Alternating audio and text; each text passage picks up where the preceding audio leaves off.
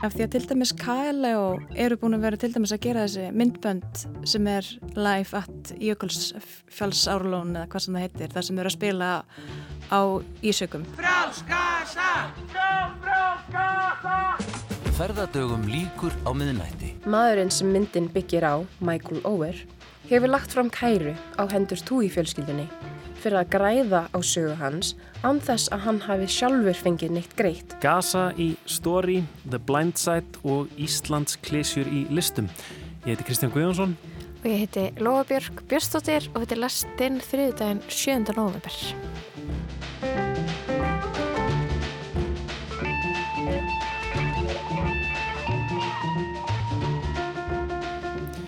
Við byrjum lestina þennan þriði daginn á um, samfélagsmiðlum, á samfélagsmiðlum á tímum stríðsátaka.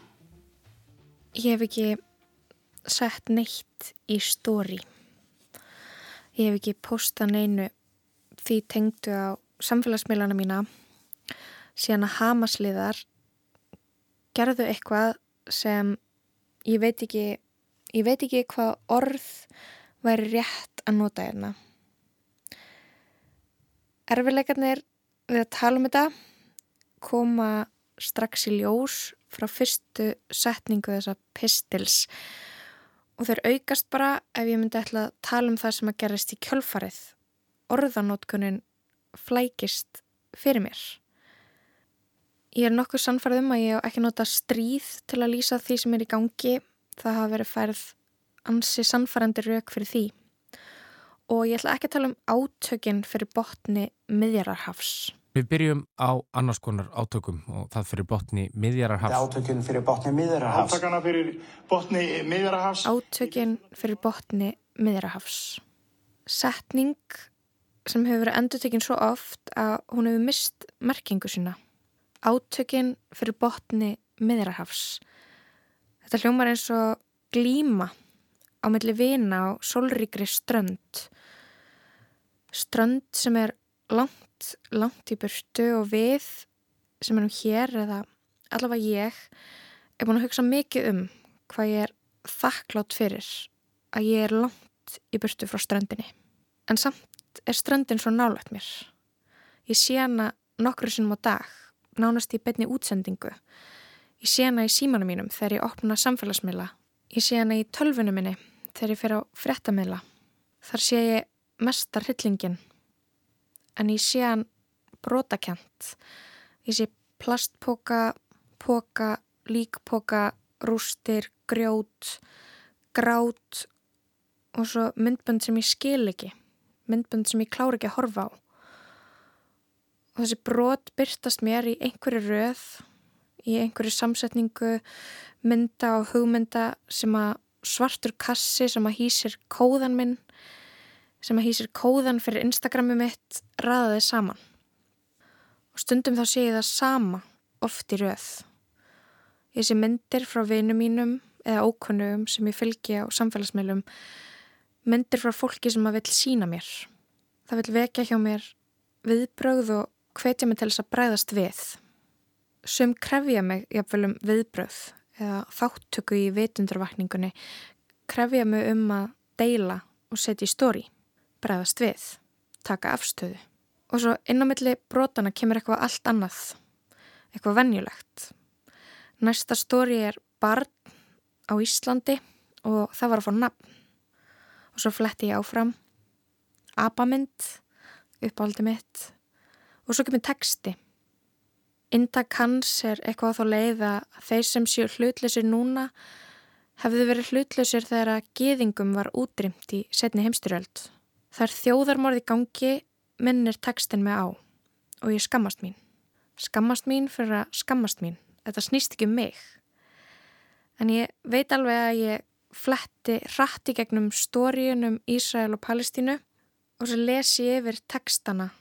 Textana sem að minna mig á forritundin mín og minna mig á að það eru forritundi að geta lokað augunum. Minna mig á að það sé ekki rótægt að krefjast vopnalés. Tekstinn veit hvað ég er að hugsa. Hann veit hvernig hann getur höfðað til samvinskupið Frálskasa! Frá, frálskasa! Ferðardögum líkur á miðnætti. Bókaðu næsta frí með tvöföldum vildarpunktum. This is an avalanche of human suffering that's 100% man-made. Gaza is becoming a graveyard for children. Tekstinn er farin að virka því að ég er búin að vera að hugsa yfir því undarvarna daga hvort að ákvörðunin sem ég tók fyrir tæpum mánuði síðan um að posta ekki neinu hafi verið rétt. Ég er farin að halda að þetta hafi verið heimskuleg ákvörðun hjá mér. Tekstarnir með ásökununum um hlutleysi eru farnir að hafa áhrif á mig. Líka þegar ég tek eftir því að allir í kringum mig eru farnir að posta. Og nú er ég bara að vera þrjósk hvað er ég að reyna að sanna og fyrir hverjum. Er ég að reyna að sanna að ég viti betur en allir hvernig að hegða sér á samfélagsmiðlum þegar stríð brist út. Að ég viti að það er ekki samfélagsmiðla stjórnur sem stöðva stríðsátök heldur ríkistjórnir. Að ég viti að Instagram eða Meta eða X eða TikTok græða bara á því að við séum í símanum í sjö klukkutíma á dag að rýfast og deila og vera leið. Eða veit ég kannski ekki neitt, veit ég kannski ekki einu svona hvað þetta snýstum og ég skil ekki einu svona frettinnar. En hefði ég átt að vita frá upphafi hvar ég stend og bara segja það, láta vita og taka afstöðu. Ég líti að vita hvað mér finnst vera ránt, ég líti að vita hvað mér finnst um stríð eða reyndar er ég ekki viss. Ég held að ég veit ekki hvað mér finnst um stríð og mér langar bara mest að aftengja mig og slökkva á tilfinningunum eins og ég vil alltaf gera þegar það gerist eitthvað sorglegt langt í burtu. En ég veit líka að þegar Hamasliðar réðust á Ísraela fyrir rúmum mánuði þá fannst mér óþægilegt að fylgjast með viðbröðum fólks á samfélagsmiðlum og mér erst óþægilegt að tala um það núna. Það er eitthvað svo fáranlegt í mínum huga að þetta sé það sem stríðið, átökin, spennan, þjóðamorðið að svona byrtist það í mínu lífi og lífi vina minna sem ákverðun um að setja í stóri eða ekki. En hvað er það að setja í stóri? Er það bara lámarks þáttaka í ansbyrnu eða hefur það eitthvað raunverulegar afleðingar í förmið sér? Ég hef tekið eftir í að þegar fólk postar þá getur það opnað ormagrifju og það fær yfir sig alls konar viðbröð og eðli málsins samkvæmt er mikil hiti og það eru stór orð. Þannig að ef maður ætlar að posta þá er eins gott að maður viti hvað maður er að tala um hvað maður ætlar að segja og hvernig. Eða getur maður kannski þá bara frekar postað eitthvað einföldu eins og bara friður vopna hlið einfalt. En Nú er mánuður liðin og það hefur margt gerst, það hefur margt verið sagt og það eru margir dánir. Og það liður flestum í kringum mig illa og ég veit ekki hvort það er skamdegið eða stríðið sem fylgjumst með en það skiptir kannski ekki neina máli. Ég var einhvern veginn búin að missa trúna á mátt samfélagsmiðla til að knýja fram samfélagsbreytingar Mér fannst það ekki vera neitt að posta. Mér fannst það ekki gera neitt. Mér finnst það bara að vera skjár með myndum sem hreyfast og mér finnst samfélagsmiðlar skapa skrítið samhengi fyrir alvarlega hluti. Mér finnst skrítið að fá auðlýsingum liftur útsölu búst og svo rústir, póki, api, babysjáur, rústir, liftur útsala. Ferðadögum líkur á miðnætti. En hvað fólk svo sem að gera annað en að nota það sem það hefur, tæki sem er beint fyrir framann þau? Af hverju ætti maður ekki að nota samfélagsmiðla? Eftir þetta mánadarlanga þagnabindindi mitt í málum Ísrael og Palestína á samfélagsmiðlum þá finnst mér áferð samfélagsmiðluna af að breyst. Og þá er ég að tala um mína miðla, það sem ég sé sem eru auðvitað bara það sem ég sé, minn algoritmi, minn speklasalur, mín jólakúla, mitt sótvarnar hólf, minn bergmálshellir, mín stjætt, mitt samhengi, það sem mínir vinir deila. Í dag liði mér, eins og samfélagsmiðlar, séu orðinir vettfangur skoðanaskipta, átaka, sorgar, tjáningar, þeir eru orðinir kátískir. Mér finnst ég sjá minna af sjálfsmyndum og bylli og mér finnst ég sjá meira af pólitík og afstöðu. Mér finnst ég sjá uppgjöf, reyði, samúð og samkend og fleiri mótmælafundi. Is it important for you to be here today? Well, uh, I'm Jewish. We can't deny what seems to be coming next, and that is a lot of us are going to get killed. حلم أصير دكتورة كبيرة أن أكون مدرس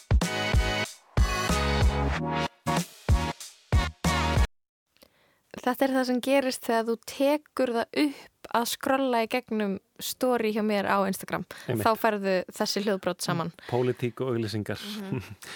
um, við ætlum að snú okkur öðru.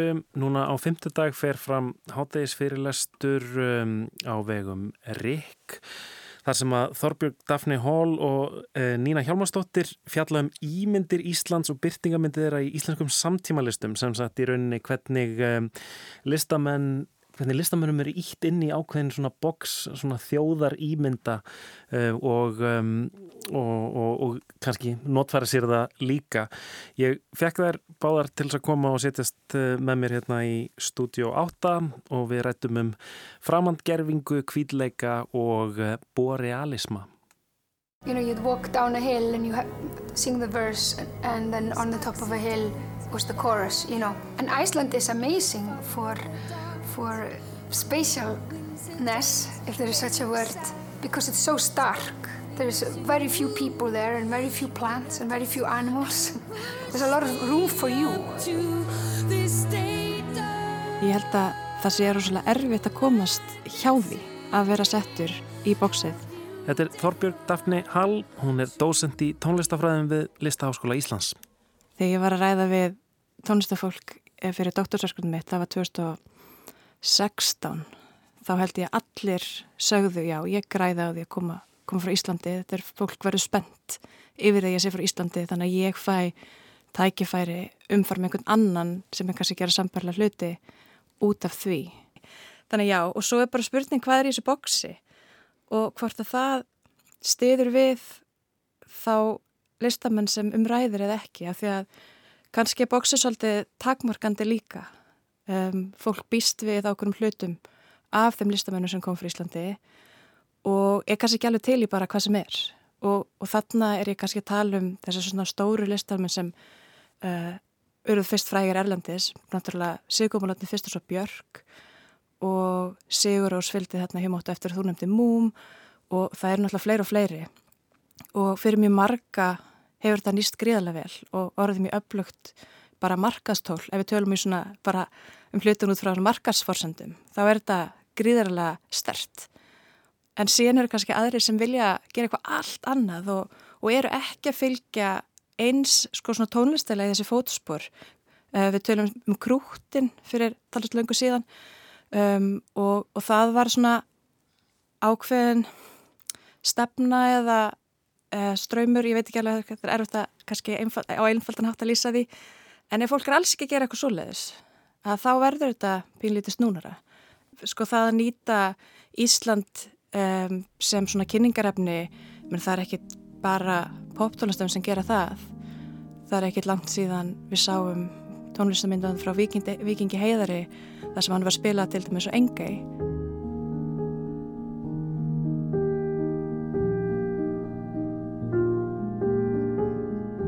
And in Iceland it's very interesting with distance because we don't have almost any trees. so, so you just go up on one of those hills, you know, in the southwest of the country, you know, go up two, three hundred meters and then just look around and you see like immense amount of land and you can see so far and, and, and you actually get that feeling. So perhaps...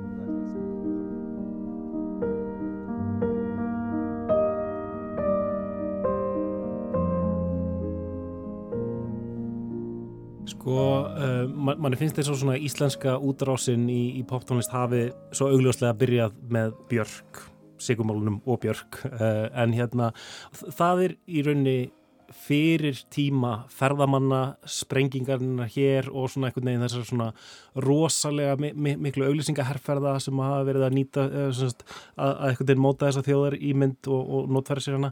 Til dæmis þegar Björk og Sigurmálandi koma fram er, er samt strax einhvern veginn verið að setja þau inn í þetta boks eða, eða einhvern veginn að pæli þeim sem Íslandingum innan gæsalappa. Sko þau náttúrulega nýta sér það að vera íslensk strax frá uppafi eins og við hugsun bara um myndbandum læna afmæli, birthday. Að þá eru við strax farin að sjá náttúru myndskeið þau eru á báti þannig í viti og, og við sjáum held ég öruglega eldgós jökla og, og fjöll og fyrirndindi þannig að það er strax, strax þar. Uh, orðið mjög skýrt að þau eru að sko, markara sig frá Íslandi í þessari, þessi myndbandi.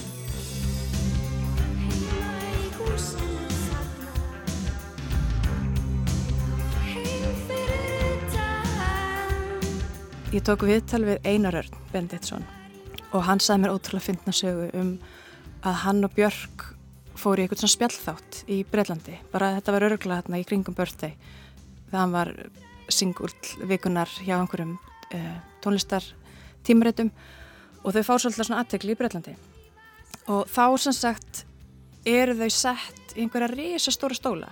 Þannig að fætunni dangla niður og svo er aldrei skot á þeim og spyrjandanum á sama tíma. Þannig að þau líta út eins og einhverja litlar verur þau líta út eins og dvergar þannig lýsir hann þessu. Og þannig strax fara að spila með þess að ímyndum að Íslandingar eru skrítnir og, og, og svoleið sem verður sér mjög stert uh, í, þessari, í þessari sögum quirky er orð sem er mjög algengt að nota alltaf að lýsa íslenskum tónlistamunum og mögulega Íslandingum almennt. En þetta ásinn alltaf miklu leng lengri sögu.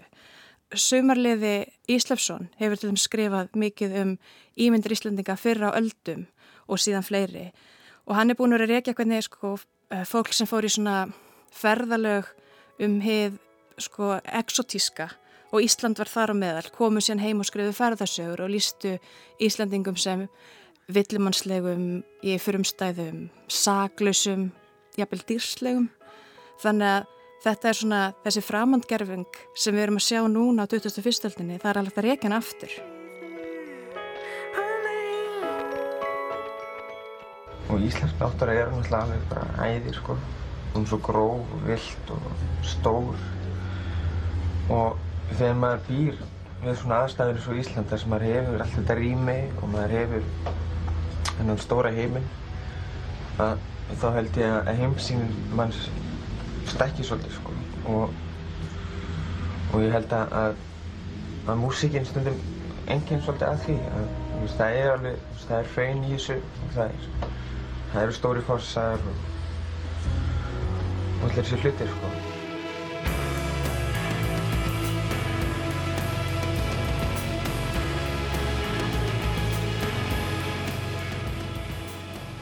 Ég myndi, ég myndi mér að, að þarna til að byrja með um, hafi listamenn verið mitt kannski bara svolítið tilbúinir að grýpa í þetta hérna um, til þess að bara sér til framdráttar. En, en svo á einhverju tímbúti þá verðist fólk og, og tónlistamenn fara að verða svolítið svona komplexaðir yfir, yfir þessu og orðin meðvitaðir um að þetta sé nú kannski svolítið hérna asnalegt og hver einasti plötudómur um Sigur Rós talar um tónlistina sem sko glacial og hérna eitthvað svo leiðis alltaf einhvern veginn náttúru líkingar hvernig myndur þú sjá það að gerast að, að, að, að listamenn fari að reyna að komast út úr þessu? Eða, eða, eða hafa þeir kannski ekki reynd að komast út úr þessu?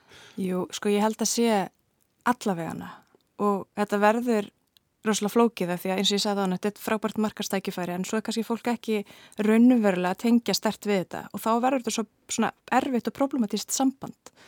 Þannig að þegar ég fór einhvern veginn að reyna að rína í og greina einmitt þessi viðbröð sem þú nefnir þá sá ég að það voru reynið þrjár leiðir sem fólk fór. Og það var fyrsta lagi að sko samþykja og sam, staðfesta þessar hugmyndir sem fjölmjöla fólk hafiði hversu fáránlegar sem þar voru og það var annars vegar gert vegna þess að fólk vildi alls ekki sko skemma þessa ímynd þannig að það var einhvern veginn meðdöm að það geti þetta verið brótækt og þetta geti einhvern veginn eðilagst en svo var það hins vegar líka bara þetta var bara til þess að losa sig undan þessu spjalli til að tala um það sem það vildi raunverða að tala um sem var kannski bara tónlistin þeirra eða eitthvað svoleiðis. Þannig að það var svona fyrsta viðbræðið. Í öðru lagi var fólk sko spilaði með og gaf fárunlega kaltæðin svör sem sko mögulega styrtu þá þessar klísju staðalýmyndir um, af því að kaltæðinni þýðist mjög oft mjög illa, sérstaklega á milli tungumála og menningarsvæða. Og svo í þriðja lagi var rauninu bara algjörlega að stoppa og afnita og segja bara nei, ég er ekki til að fara þetta. Þannig að það er, voru, ég sá þess að svona þrjár leiðir en það könnuðist allir við þetta. Og fólk voru að reyna að lýsa því að það var einhvern veginn að reyna að stoppa þetta af en þá bara kom næsta spurning og næsta spurning, þau fólk var ekki til að tala um álfa þá bara var spurt um tröll eða eitthvað, þannig að þetta er mjög á, ágengt þessar spurningar.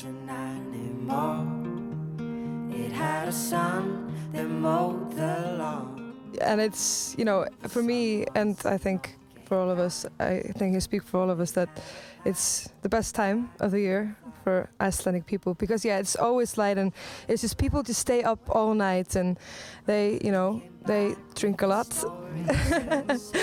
and uh, you know, it's just it's a lot of fun.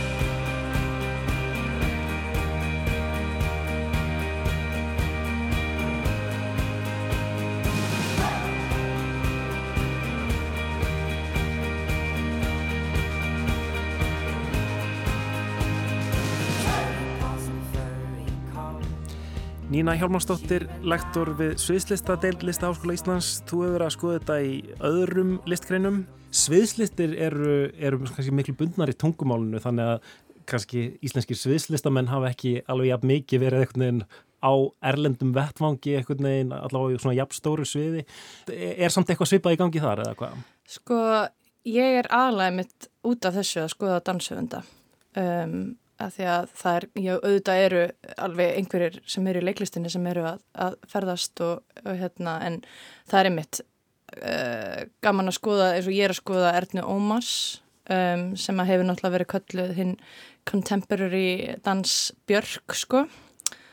Og hún einmitt upplið, upplið þetta mjög mikið svona upp úr uh, 2010 að vera, uh, og maður, það bara googlan að það er alltaf sagt eitthvað álfur tröll jara, jara, jara og hérna en það sem að uh, gerðist sko líka upp úr 2010 og Kristín Lofsdóttir hefur um eitt skrifað um er að það var þessi markasetning sem að Íslandinga voru alltaf í svona ákveðni svona fíluðu kannski ekki alveg þessa exotíseringu það var þessi markasetning sem fór á stað um, markvið sem Inspired by Iceland, Herfyrðin og fleiri sem að svona kannski svona fenguðu fólk og Íslandinga alla inn í ákveðnum hlutverkum sem að við erum svolítið dæmt til þess að leika áfram og þetta ser maður mjög vel í sviðslistum líka eins og hérna, meira segja listamenn sem að reyna markvist að vinna mótið þessu og eins og ég er að rannsaka Rósu Ómar sem að hinn segir náttúruna í verkunum sínum. En það er samt, gaggrinnin er alltaf bara þetta vulkanik orka eða vikingablóð eða tröll mhm. eða hitt og þetta. And then in the winter time it's very dark and then you have extreme nature, like we are really isolated. So it can get claustrophobic to be, to be living in the society there. And then, uh, then you go into the nature and you get crazy because it's too much space.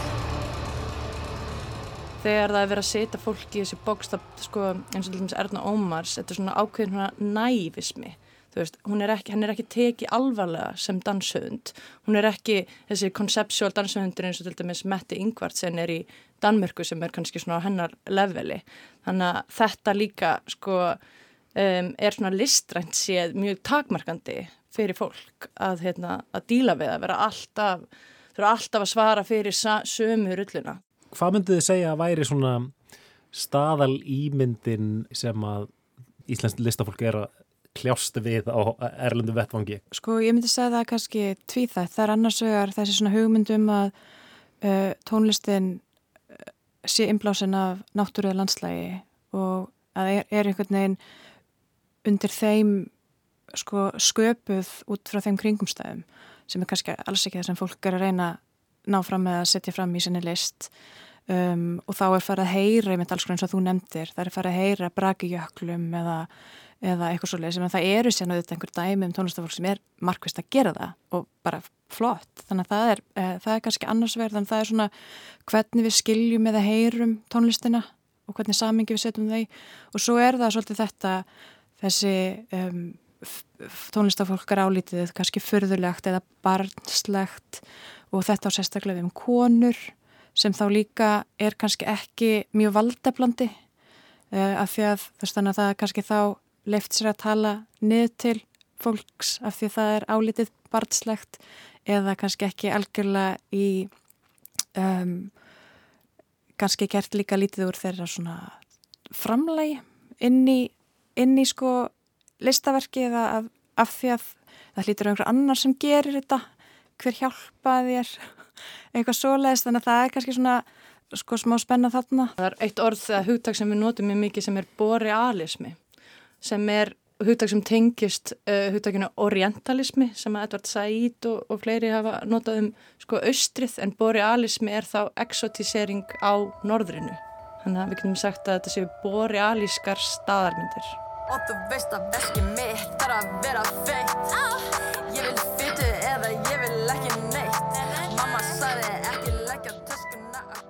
góð Það er nú smá saman rótin ræturna við er smá saman bara að hverfa mm -hmm. og á meðan ég er í því að festa mínum rótum hér á landinu það er ennþá verið stansleis að minna mig bara nei þú á ekki heima hér þú átt ekki, það er óvelkomin hér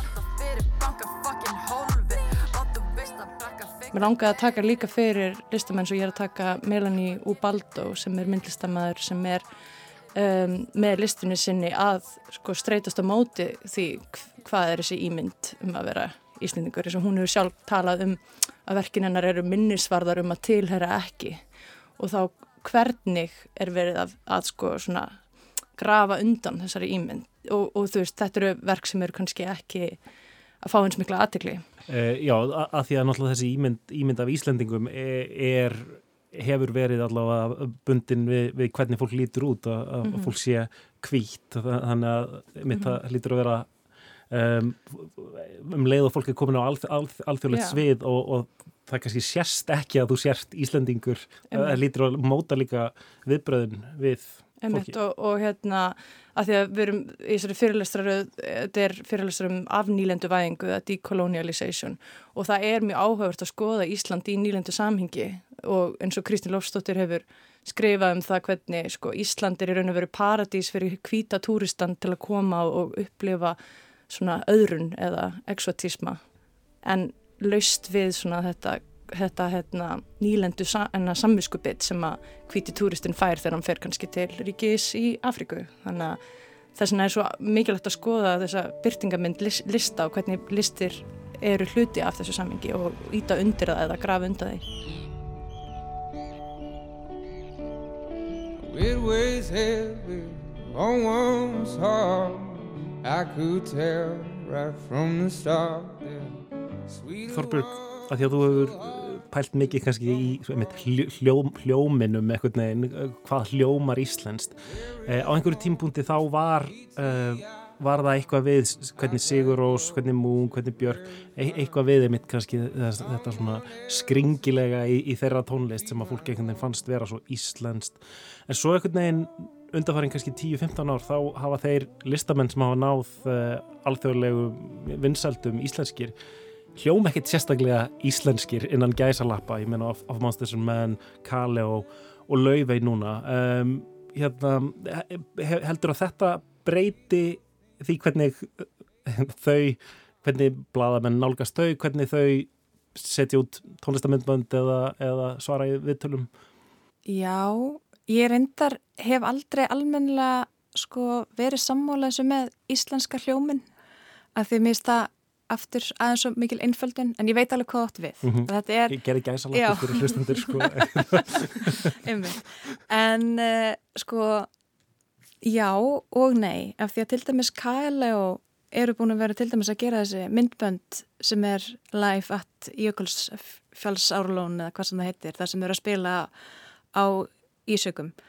Í, þannig að þeir eru og líka þarna að fara niður í um, gíin þannig að þeir eru að spila með mjög sterkar Íslands myndir Don't you notice how I get quiet when there's no one else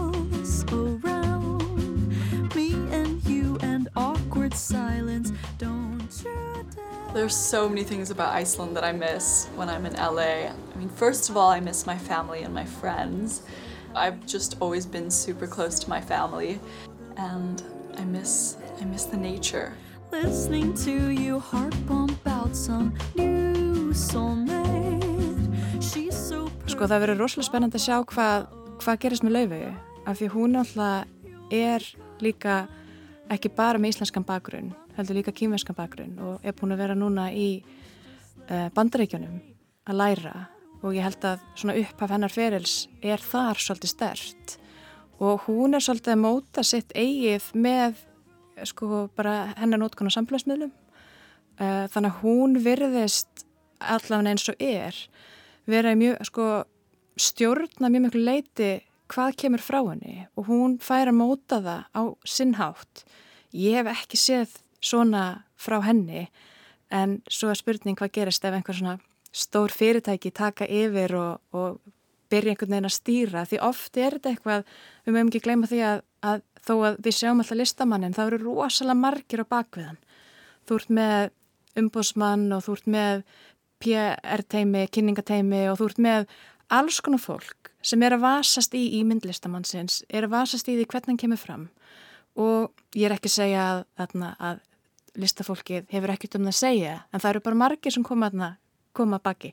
Þannig að það verður spennand að sjá hvað mm -hmm. gerist með laufi en eins og er þá hefur mér sínst veginn verið að fara allt aðra leið og það er bara, og náttúrulega stórkostlega tónlistakona og, og bara öruglega eina okkar stærstu stjörnum. Ég held að ég heyrði á ráðstöfnunni, erfistur ráðstöfnunni í síðustu vika, hún var með flest streymi af öllum íslenskum tónlistamunum. Þannig að rosaspennandi. Ég geti vel trú að því. Hérna, um, en, en það, það er mjög aðtilsvært að veltaði fyrir sér einmitt hvort að uh, reynlega það að hún sé með hann kínverska bakgrunn sé hálf kínversk og, og, og lítið þarlegandi út ekki á, á þennan uh, hefðbundna íslenska kvíta hátt um, hvort að það er mitt móti líka bara einhvern veginn hvernig bláðamenn nálgast þannig eru, eru þeir að spurja spurninga um Ísland uh, eða, eða lítaðir á hana og, og sjá ekki e, þennan exot, exotíska Íslanding heldur kannski eitthvað annað exotíst Já, nei, mm. ég, aðna, ég hef raunin ekki farið inn eina svona mark, markvæsa gagnasefnun hvað hana varðar þannig að ég get ekki svaraði á neitt svona fulllegend átt en þetta verður bara mjög spennand að sjá mm -hmm. hvað gerist með mm. hana og kannski er þetta eins og nýnar að benda á þannig að svo mikilvægt að við fáum sko tónlist, eða listamenn bara almennt sem líta alls konar út. Þannig að við fáum líka fyrirmyndir fyrir um, alla eða öll eðna, og bara þannig að, að sem, sem flest sjáu sig hafa tækifæri mm -hmm. í því að, að verða listamenn og tækifæri alltaf ná langt.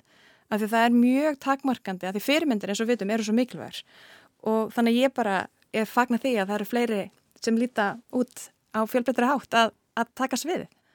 Þetta er náttúrulega mjög líka aðtilsvært það, það sem er einhvern veginn kannski að gerast í íslensku myndlistarlífi. Eh, manni finnst Melanie og, og Lucky 3 hópurinn uh, sem eru öll íslandingar af filmsæskum uppruna. Það er einhvern veginn í fyrsta skipti sem að maður kannski sér, kannski er, líka hópurinn svona, um, hefur einhvern svona slagkraft sko. en, en, en manni finnst einhvern veginn í fyrsta skipti maður sjá í íslensku myndlistarlífi fólk sem eiginlega bara lítur öðru sút sko. mm. Já, einmitt, og það, er, veist, það eru fleiri og það eru kannski líka sko, fólk sem er búin að vera að vinna þetta hefur aldrei fengið viðkenningu fyrir en nýlega þú veist, ég get nefnt til dæmis Víólu Újadórsku sem er búin að vera að vinna þetta í, í tíu ár og þú veist, ég er einmitt að rannsaka verki hennar Scandinavian Dream þar sem hún er að vinna með sko, ímyndins pólska innflytenda og svo er hérna, eins og núna var núna síning í Díasalunum í Hafnarhús eftir tvo letneska livslistamenn Renati Feisaka og Klaus Liepins og það er rosa mikið af svona fyrsta skipti að gerast um, eins og við sáum líka síningunni í listasafni Íslands uh, í fyrra uh, með Sannele Muholi. Hann að hérna já, það er eitthvað, það er eitthvað mikið að gerast en, en það, það mætti gerast hraðar og það mætti uh, hugsa þetta eins og einmitt eins og Þorbjörg segir sko, þú veist, 25% landsmanna eru að fyrstuð annari kynslu inflytjandja, sko, hvort sem að þau eru kvít eða, eða dökk eða hvað, þannig að við sjáum þetta ekki í, í listalífinu, í listaháskólunum, í, í hérna, neinum af þessum menningarstofnunum. Þorbjörg og Nína, takk kærlega fyrir að koma í lestina. Takk. Takk. What's a girl to do lying on my bed staring into the blue unrequited terrifying love is driving me a bit insane this off my chest. I'm telling you today that when I talk to you, oh Cupid walks right through and shoots an arrow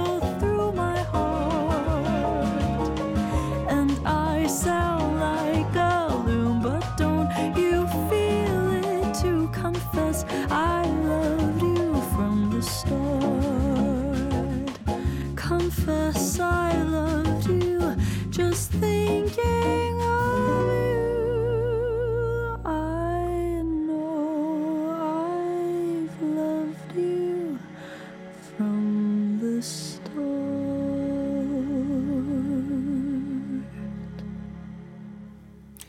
Þetta er tónlistakonan Lauvein sem að nýtur mikill að vinselda á alþjóða vettvangi um þessa myndir. Um, óvinnilegt dæmi um, um, um tónlistarkonu sem að uh, er ekki mikið að einhvern veginn leggja áherslu á Íslensk íslenska náttúru, íslensk þjóðerni einhvern veginn svo leiðis sem að mjög margir er að gera eins og er Þorbjörg Dafni Hall og uh, Nína Hjálmarsdóttir uh, rættu um. um þær verða með fyrirlestur núna á fymtudaginn í háttegis fyrirlestraröð RIK um, sem að fjallar um af nýlendu væðingu þessa dagana, já. Mm -hmm. Sko við ætlum ekki alveg að, að skipta um gýr, kannski held okkur aðeins að svipa um slóðum. Já. Uh, Chanel Björk Sturldóttir ætlar að fara yfir sambandsitt við bíómyndina Blindside og hvernig það breytist núna nýverið. Ég held að flest eigi uppbóls bíómyndir sem þau horfða á í æsku, sem mótuð þau á einhvern hátt eða skildu að minnstakosti eftir einhverja tilfinningar sem er erfitt að setja í orð. Mögulega er þetta bíómyndir sem vöktu nýjar og flúknar tilfinningar sem maður hafði ekki upplifað áður sem bann. Hvort sem það er sorg, ást, reyði eða forvitni. Ég gæti talið upp langan lista af bíómyndum sem ég horfði á á mótunar árunum með sýstunum mínum, fóruldrum eða vinkonum sem hreyfðu við mér á einnhátt eða annan. Eina af þessum bíómyndum sem ég hef lengi borið hlýjar tilfinningar til er The Blind Side. Mynd sem fjallar um kvítafjölskyldu frá Söðuríkjum bandaríkjana sem tekur ungan svartan mann, Michael Ower, undir sinn vendarvæng og gerir hann að yfirburðar íþróttamanni í amerískum fókbólta. I'm not cutting, I'm just asking. Let me tell you something, all right? We have been sitting around here for over an hour, and when I look around, all I see are people shooting the bull and drinking coffee. How can I help you? Oh, he was first. No, you go ahead. I think I want to hear this. Me too. Myndin er sett fram sem sannsöguleg og sögðbyggð á sögu raunverulegarar fjölskyldu, Tui fjölskyldunar frá Tennessee, sem við kynnumst aðalega í gegnum söguhetjuna Leigh-Ann Tui, hlutverk sem Sandra Bullock fer með og hlaut Óskarsvælun fyrir. Leigh-Ann kemur okkur fyrir sjónir sem byrtingamind alls hins góða. Hún er ljós yfirlitum og vel til fara. Á yfirborðinu gæti hún vist vera stereotypísk Southern Belle, sem hefur lítið annað að færa en aðlaðandi útlitt. En eftir því sem líður sjáum við að Leigh-Ann er táktmynd nútímakonu, feminist íkon að einhver leiti. Ákveðin og óhrætt lætur hún enga vafa yfir sig. Korki starfsfólki sitt sem hún skammar í símanum eða eigimann sinn sem hún gefur lítinn gaum. Michael Ower, svartur ungur maður sem gengur í sama skóla og börn Leigh-Ann, er kynntu til sögunar sem líkamleg vera fyrst og fremst. Big Mike, sem vísar í stærð hans bæði í hæð og þyngd. Það virkar eins og hann hafi lítinn sem engan personuleika og lága greindavísatölu. Þrátt fyrir hæðina og stærðina þá er talandin barnalegur og saglaus. Við fáum að kynnast fátæktinni sem Michael býr við, aðskilin móðu sinni sem glými við fík, hann flækis milli sófa hjá vinum og vandamönnum og endur á að leita skjóls á öðrum stöðum, svo sem í skólanum. Sem áhórandi finnum maður virkilega mikið til með honum og tekur út fyrir þessar hörmulegu aðstæður sem hann býr við. Það verður því ákveðin léttir þegar túi fjölskyldan kemur honum til bjargar. Þau bjóða honum húsaskjól og bjóða honum á þakkargerðarháttíðina og eitt leiðir að öðru og ætliðingapappirar eru lagðið fram. Michael, we have something we'd like to ask you. What? Well, Leanne and I, we, well, we'd like to become your legal guardians. What's that mean? What it means is, is that we want to know if you would like to become part of this family.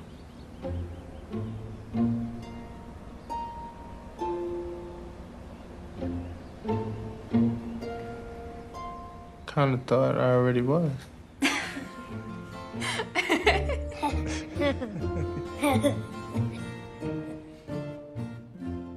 Þetta er alveg dæmigerð Hollywood bíómynd sem tógar í hjartarætunar og það er ekki annað hægt en að þykja vænt um karakterana á skjánum.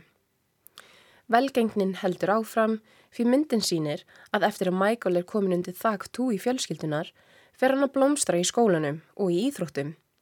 Fjálfari fókbaltaliðsins tekur loksins eftir hæfnina sem Michael býr yfir og hann verður valinn sem aðal vartamæðurinn í liðinu.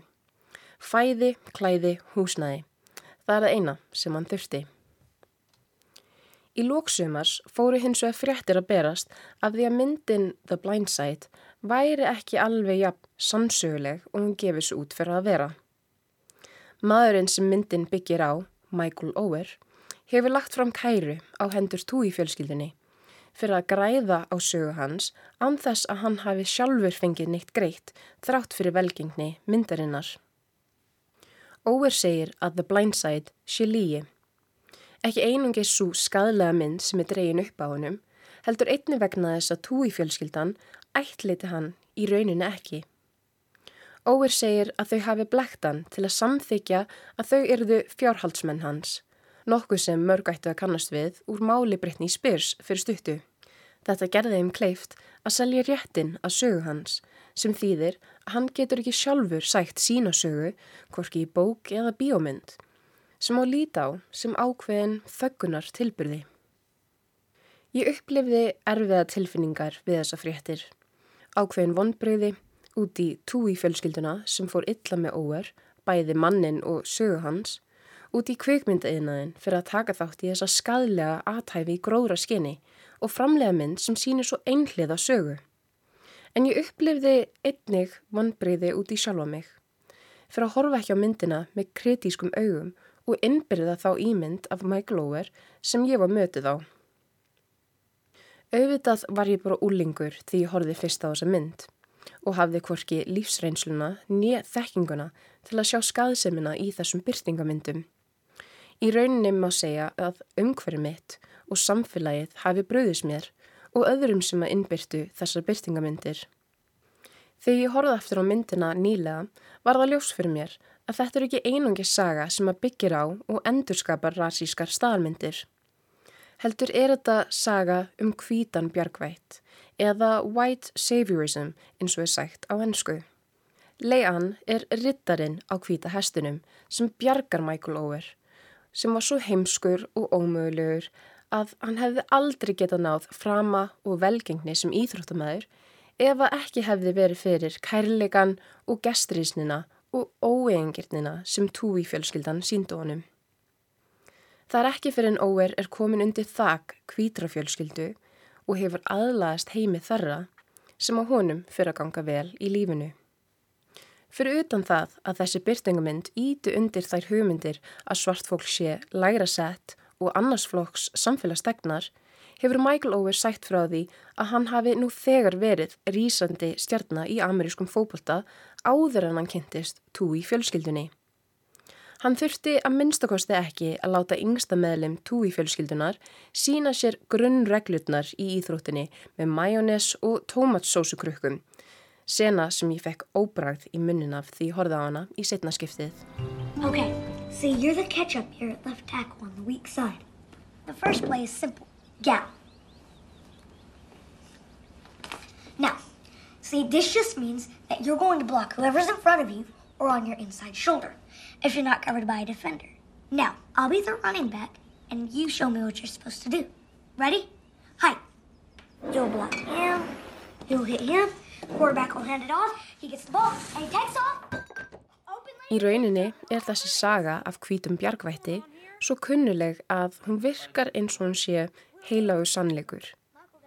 Hvíti vestræni maðurinn fer til Afríku til að bjarga auðmingjafólkinu þar sem er svo fátækt og ósjálfbjarga að það er engin von fyrir það. Þessi byrtingamind og orðræða gerur okkur það ómögulegt að afmiðja hvítleikan og velta því fyrir okkur að mögulega sé það hvítimaðurinn sem er vanhæfur.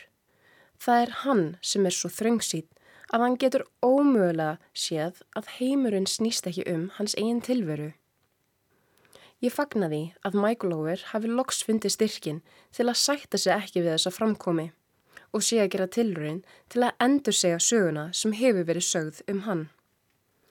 Rasíska staðlýmyndir hafi ekki einungis áhrif að þær hugmyndir sem hvít fólk tilengar sér um svart fólk og annað fólk af lit eða people of color eins og er sagt á ennsku.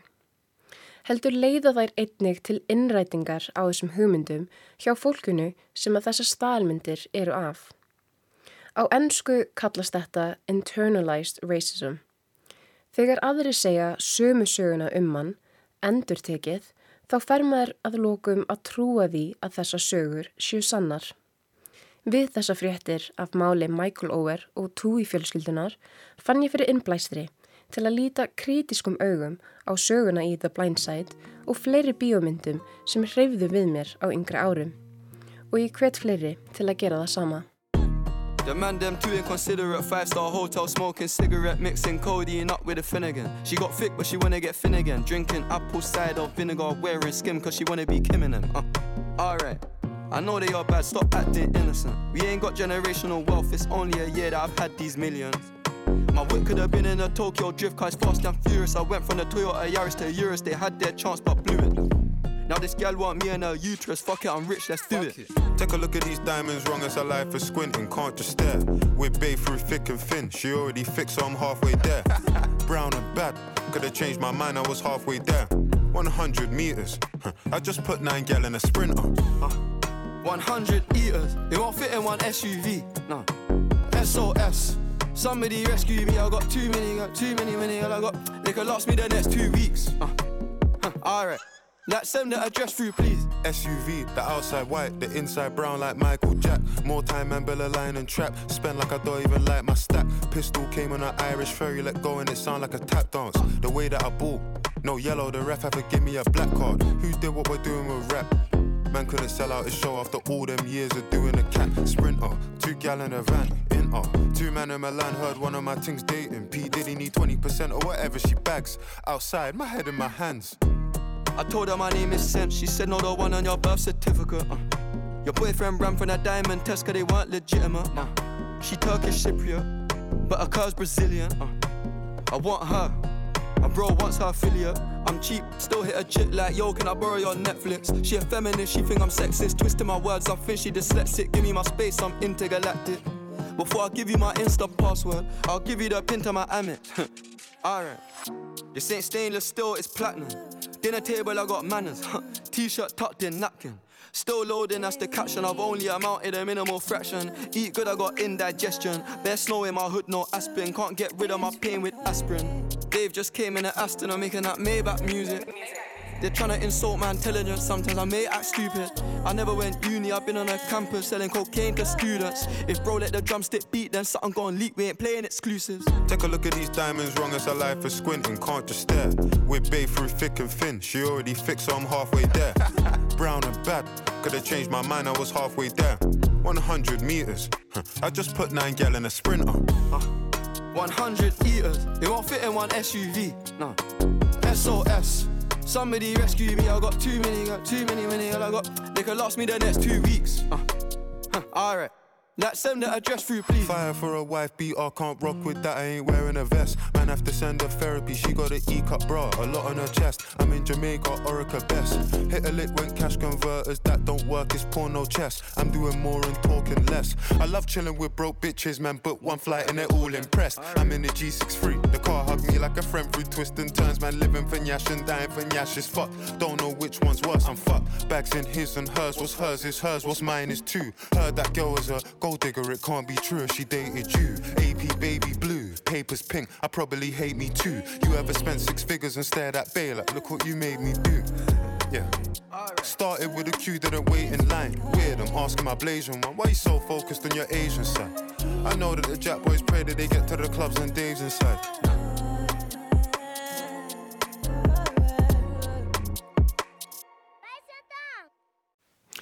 Þetta er lagið Sprinter með rapparunum Dave og Central C, lag sem hefur notið nokkuð mikill af vinsalda síðan það kom út eh, í sömar. Þar á undan var það Sjanel Björk Sturldudóttir sem að fjallaði um kvikmyndina The Blind Side. Við erum komin að leiðalögum inn í lestin í dag. Við ætlum að ljúka þættinum í dag og lægi með Neon Me, Sölku Valstóttur. Ég náði að sjá smá af henni á Airwaves á Keks um helgina. Uh, hún endaði tónleikana sína á þessu lagi The Ok. Old Man and the String Þetta er af nýju plötununnar Premiere Við myndum reyna að gera Airwaves ykkur skil í lestin á morgun hinn Algjörlega, við erum ekki búin að, ekki búin að gera það núna í vikunni en um, tónlistagagrindinir okkar hafa leiðundir feldi og er núna að fara að koma með nýðust mm Mhm. sína um hátíðina. Það verður á morgun og, og, og fymtudag. Við Kristján Lofa þökkum fyrir okkur í dag. Tæknum maður og Lítiða Gretastóttir. Verið sæl. Sing songs of freedom and whistle to the stream. You stutter as you read in between the lines. You're